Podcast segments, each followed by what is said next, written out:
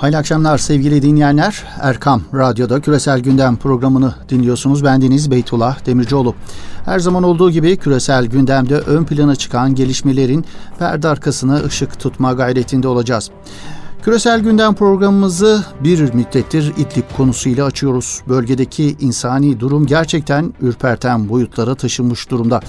Birleşmiş Milletler Esed rejimi ve Rusya'nın saldırılarının devam ettiği İdlib'de sivillerin kaçabileceği güvenli hiçbir yerin kalmadığını açıkladı. İnsani açıdan durum bu denli alarm veriyor. Cumhurbaşkanı Erdoğan'ın İdlib konusundaki dünkü sözleri ve Moskova'dan gelen açıklamaların yanı sıra ABD ve Birleşmiş Milletler Güvenlik Konseyi'den yapılan değerlendirmeler İdlib meselesinin küresel gündemin en üst sıralarına taşımış bulunuyor. Dolayısıyla insani durumdaki vahamet kadar sahadaki son derece yüksek tansiyon Türkiye ve Rusya arasındaki gerilim İdlib'i konuşmayı gerekli kılıyor.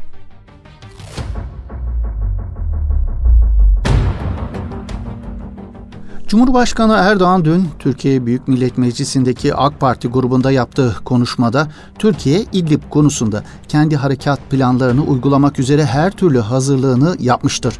Her operasyonda olduğu gibi bu konuda da bir gece ansızın gelebiliriz. Daha açık bir ifadeyle İdlib harekatı bir an meselesidir demiş ve askeri harekatın işaretini vermişti.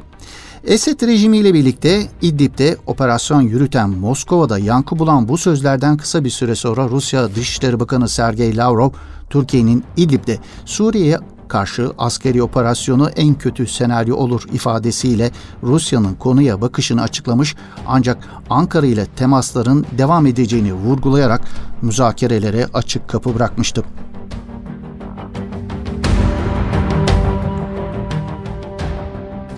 Ankara ve Moskova'dan peş peşe gelen mesajların ardından konu Birleşmiş Milletler Güvenlik Konseyi'nin dünkü e, oturumunda gündeme geldi sevgili dinleyenler.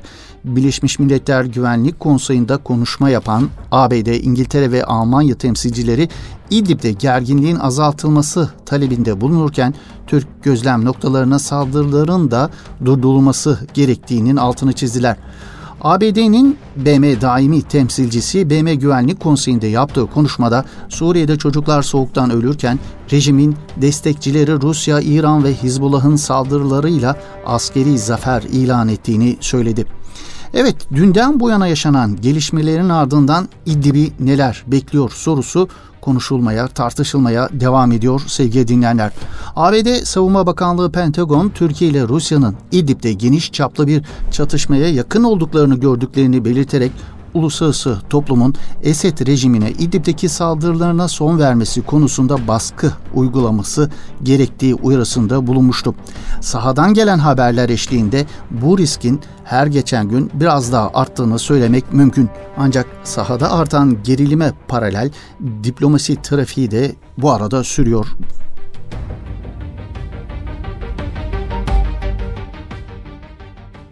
Türkiye ile Rusya arasında Ankara'nın ardından Moskova'da gerçekleştirilen heyetler arası İdlib görüşmelerinden bir sonuç çıkmamıştı. Görüşmelerde Rusya çatışmasızlık bölgesi alanının %60 oranında daraltılmasını, TSK'nın 12 gözlem noktasını M4, M5 otoyollarının kuzeyine çekilmesini teklif ettiği belirtiliyor. Bu durumun sahadaki gerçeklere uygun olmadığı tezini savunan Türkiye ise TSK'nın İdlib'in %40'lık bölümüne çekilmesi sonucunu doğuracak öneriyi net biçimde reddetmişti.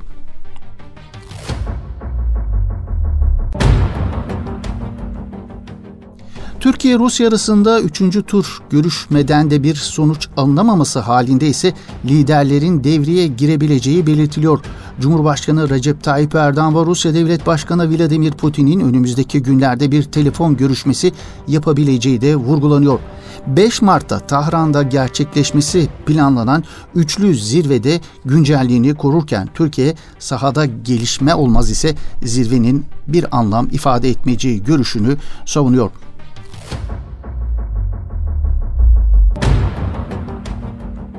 Diplomatik bir çözüm bulma umudunun çok zayıfladığını belirtmiş olalım bu arada sevgili dinleyenler. Buna rağmen Türkiye ile Rusya'nın İdlib konusunda uzlaşabileceği konusunda umutlar tamamen ortadan kalkmış değil. En azından bu yönde bir takım iyimser tahminleri dillendirenler de yok değil. Bu umutları dillendirenler arasında Rus medyası da yer alıyor. Kremlin'e yakınlığı ile bilinen Rus Kommersant gazetesi Moskova ile Ankara arasında uzlaşma sağlanması için bir temel var diyor. Kommersant gazetesinin köşe yazarı Maxim Yusin, Moskova ve Ankara'nın sonuç olarak İdlib'de uzlaşacağını ve ikili ilişkilerin kötüleşmesine izin verilmeyeceğini vurguluyor. Mevcut durumun 2015'teki durumdan farklı olduğunu yazan gazeteci Yusin, şimdi Moskova ve Ankara ikilisinin birbirine çok daha yakın olduğunu, doğalgaz ve nükleer alanlar dahil ortak projelere bağlı olduğunu ve ABD'nin baskısına rağmen S-400 hava savunma sistemleri anlaşmasını hayata geçirebildiklerini belirtiyor. İdlib'de Türkiye'nin kendi özel çıkar alanı olarak gördüğü yerlerde artık Türk askerinin görüldüğünü belirten Rus gazeteci TSK belli bir süre sonra ilerleyen Rusya ordusu ile karşılaşacak. Bu durumda cephe stabilize olacak. Sonra seçenekler mümkün. Türk ve Rus orduları arasında bir nevi tampon oluşturmak ve aralarında muhtemel çatışmayı önlemek için bu bölgelere Rus askeri polis girebilir ifadelerini kullanıyor. Tarafların mevcut durumu kabul etmek zorunda kalacağının vurgulandığı yazıda Cumhurbaşkanı Recep Tayyip Erdoğan'ın anlaşılabileceğini çünkü ülkesinin yeni sığınmacı akışıyla karşı karşıya olduğu ve bu akışla baş edemeyebileceği ifade ediliyor. Rus gazeteci Maxim Yusin, Ankara'nın argümanları Şam'ı olmasa da Moskova'yı mutlaka etkilemeli diyor. Yani uzlaşmak için temel var. Sadece tüm taraflara yüzünü koruma fırsatını verecek yeni anlaşma biçimini almalı diye de kaydediyor.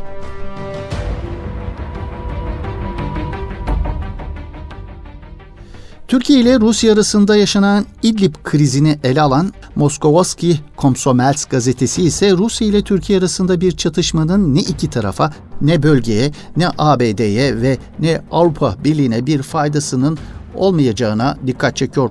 Gazetedeki analize göre Zira Rusya ile Türkiye arasında bir kama sokmak başka bir şey, 21. yüzyıl koşullarında bir Rusya-Türkiye savaşı başlatmaksa başka bir şey.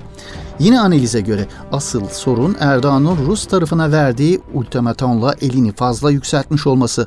Bu noktadan daha sakin bir pozisyona inmekse hiç kolay değil diyor. Yine analizde Erdoğan'ın bundan sonra ne yapacağını ne Rusların hatta ne de Türklerin kestirebileceğine dikkat çekiyor. Bu nedenle gözler Cumhurbaşkanı Erdoğan'ın ultimatomda telaffuz ettiği 29 Ocak tarihinde. Bu tarihten sonra ne olacağı meçhul. Kesin olansa Rusya-Türk ilişkilerinin ikinci bir krizi kaldıramayacağı vurgusuyla bitiyor analiz.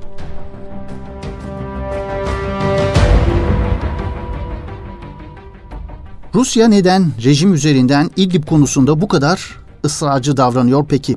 Rusya Suriye üzerindeki kontrolünü kaybetmek istemiyor sevgili dinleyenler. Bununla da Esed rejimi üzerinden tahkimatını sürdürüyor.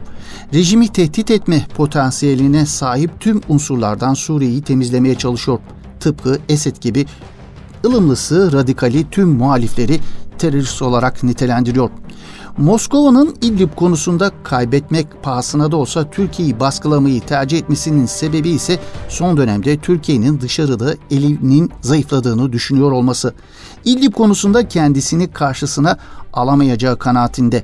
Zaman zaman Libya'da darbacı Hafter'i destekleyen mesajlar üzerinden Türkiye'ye mesajlar veriyor Moskova yönetimi.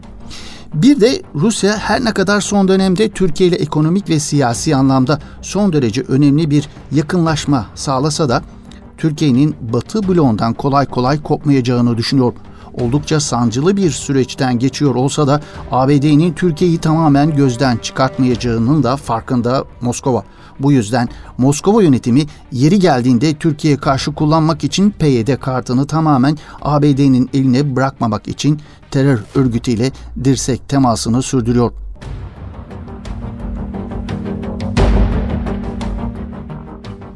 Moskova'nın yine son dönemde bölgede Türkiye karşıtı bölge ülkeleriyle ilişkilerini derinleştirdiği gerçeğinin altını çizmek gerekiyor.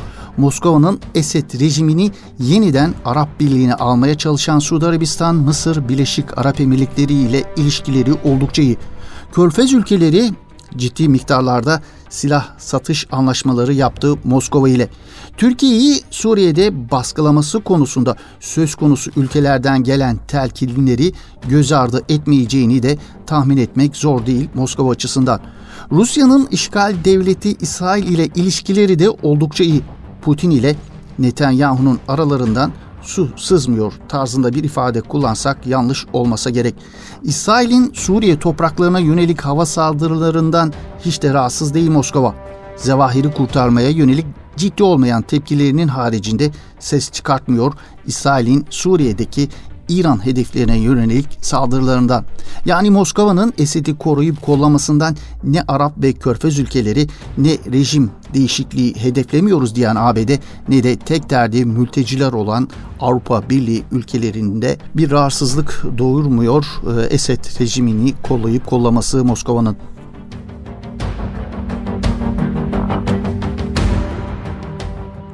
Nitekim Batı'nın Suriye konusundaki kayıtsızlığı İngiliz Daily Telegraph gazetesinde şöyle aktarılıyor. IŞİD'in yenilgisinin ardından Batı'nın Suriye'deki çatışmalara dair tutumu kayıtsızlık oldu diyor Daily Telegraph gazetesi. Esed iktidarını tekrar inşa ediyor ve Batı müdahalesine yönelik önerilerin arkası kesilmiş durumda. Fakat İdlib Savaşı insani bir felakete dönüşürken gerçekten kayıtsız kalabilir miyiz diye de soruyor İngiliz Daily Telegraph gazetesi.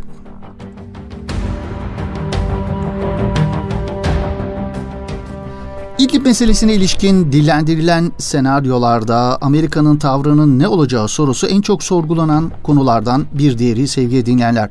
ABD İdlib meselesi yüzünden Ankara ile Moskova arasındaki gerilimi Türk-Amerikan ilişkilerini eski rayına oturtmak için bir fırsat olarak görüyor. ABD'nin Türkiye ile Rusya'nın arasındaki bu gerilimin daha da derinleşmesi istediğini söylemek pekala mümkün. Peki Türk-Amerikan ilişkilerinin eski rayına oturtmasını isteyen Washington yönetimi Türkiye'nin muhtemel bir operasyonu sonrası askeri anlamda Türkiye'ye destek verir mi? Bu konuda ABD'nin desteğinin demeçlerin ötesine geçmeyeceği yönünde bir kanaat hakim. Çünkü ABD İdlib sorununun gündemde kalmasını istiyor. Rejimin İdlib'i ele geçirmesi halinde yeni hedefinin PYD'nin kontrolü altındaki bölgeler olacağını biliyor.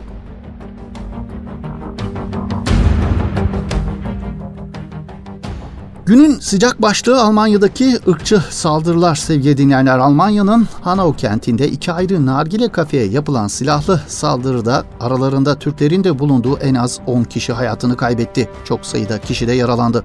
Ölenlerin 5'inin Türk olduğu belirtiliyor.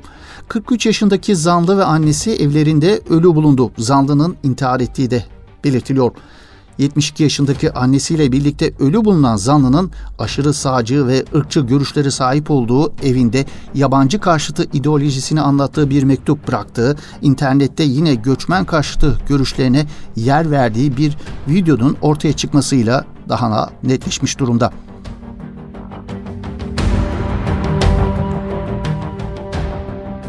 Almanya'daki bu ırkçı saldırı aslında uzun zamandır geliyorum diyordu sevgili dinleyenler.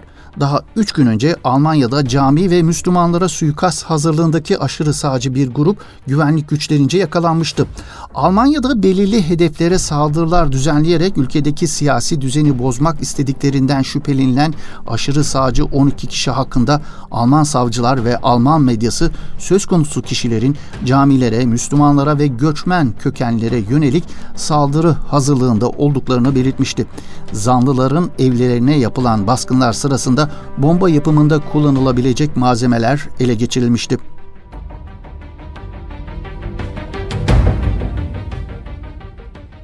Almanya'da ırkçı tehlikenin her geçen gün biraz daha büyüdüğü yatsınamaz bir gerçek. Bu tehlike sadece Almanya için de geçerli değil aslında. Tüm Avrupa genelinde önü alınamayan bir hızla tırmanıyor ırkçı tehlike.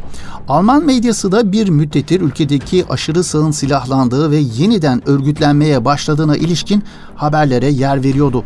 Alman medyası 2019'un Nisan ayında Anayasayı Koruma Teşkilatı'nın hazırladığı aşırı sağcı terör eğilimleri ve potansiyeller konulu gizli bir raporu yakın zaman önce yayınlamıştı.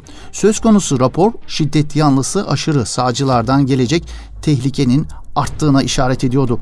Aşırı sağcıların iletişimlerini öncelikle internet üzerinden sağladıklarına işaret edilen raporda resmi makamlar aşırı sağcıların iç savaş senaryosuna ve kaygı duyulan kamu düzeninin çökmesine hazırlandıklarına ilişkin ipuçları buldu deniliyordu söz konusu raporda.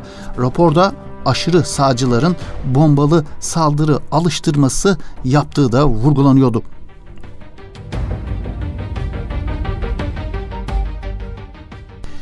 Tatbi yani Türkçe ifadesiyle normalleşme. Son dönemde Arap siyaset aranasında ve medyasında en çok zikredilen tanımlamalardan biri olarak dikkat çekiyor sevgili dinleyenler bu ifade. Normalleşme ile tahmin edildiği üzere işgal devleti İsrail ile Arap dünyası arasındaki ilişkilerin düzeltilmesi kastediliyor. Şimdiye kadar sadece Mısır ve Ürdün'ün tanıdığı İsrail'i diğer Arap ülkeleri resmen tanımıyor. Ancak realitedeki durum çok farklı. İşgal devletiyle özellikle Körfez'in önemli ülkeleri Suudi Arabistan, Bahreyn, Birleşik Arap Emirlikleri ve Umman arasındaki ilişkiler inanılmaz derecede ilerlemiş durumda. Arap Baharı'nın en önemli sonuçları neler olmuştur şeklindeki bir soruya ilişkin maddeler sıralansa bu maddelerden bir tanesinin bölgenin devrim karşıtı statükocu ülkeleriyle işgal devleti İsrail'in yakınlaştırılmasına neden olmuştur şeklinde bir cevap verilebilir. Söz konusu ülkeler kamuoyunlarından gelen tepkileri azaltmak maksadıyla işgal devletiyle olan ilişkilerini perdelemeye çalışıyorlar. Ancak İsrail'in Başbakanı Netanyahu, İsrail'in Arap dünyası ile olan ilişkilerinde bir devrim yaşandığını belirtiyor. Netanyahu bugün İsrailler Suudi Arabistan krallığının üzerinden uçuyorlar diyerek Arap ülkelerini İsrail'in karşısında nasıl muma döndürdüğü mesajını veriyor kendi kamuoyuna Netanyahu.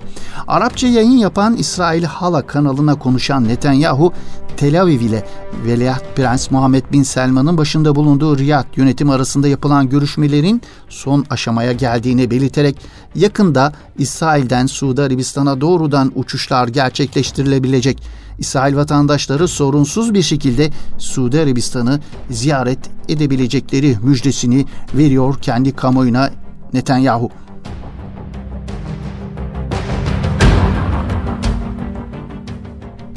Arap ülkeleriyle olan yakınlaşma konusunda Netanyahu birisi bana 10 yıl önce bir veya ikisi hariç tüm Arap ülkeleriyle kalıcı ilişkiler kuracağımız bir duruma ulaşacağımızı söyleseydi ona bunun sadece hayal olduğunu söylerdim ama bugün olan budur diye de ekliyor.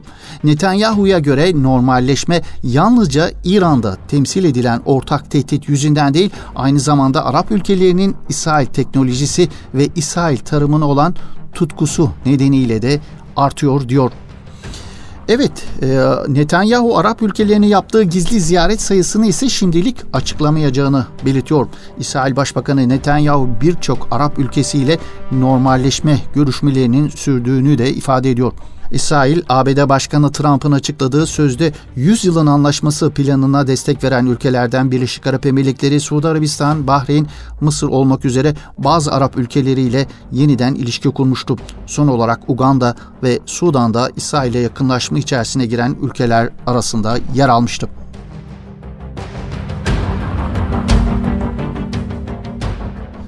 ABD yaptırımları ve Ukrayna uçağının düşürülmesiyle bir dizi kriz yaşayan İran halkı yarın 11. dönem meclis seçimleri için sandık başına gidiyor. Seçimlere muhafazakarlar başı dik İran listesiyle girerken reformistlerin 30 partisinden sadece 9'u katılıyor.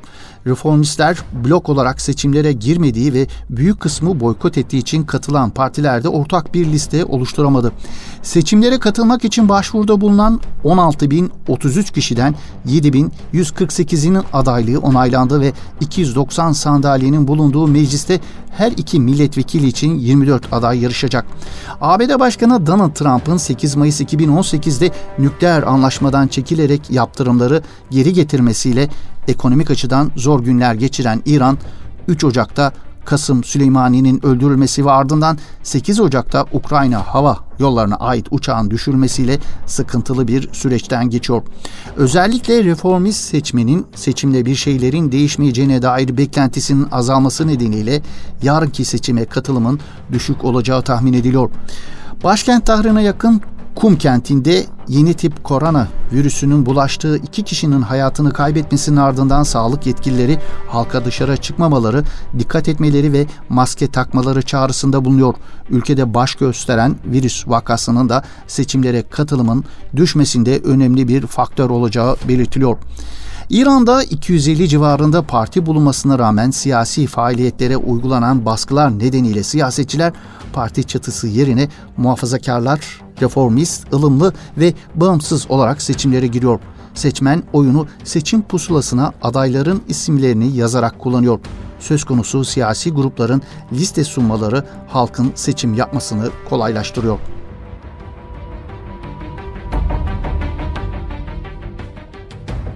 Evet sevgili dinleyenler bir küresel gündem programımızın daha böylelikle sonuna gelmiş bulunuyoruz. Yeni bir küresel gündem programında buluşmak ümidiyle hoşçakalın. İyi akşamlar efendim.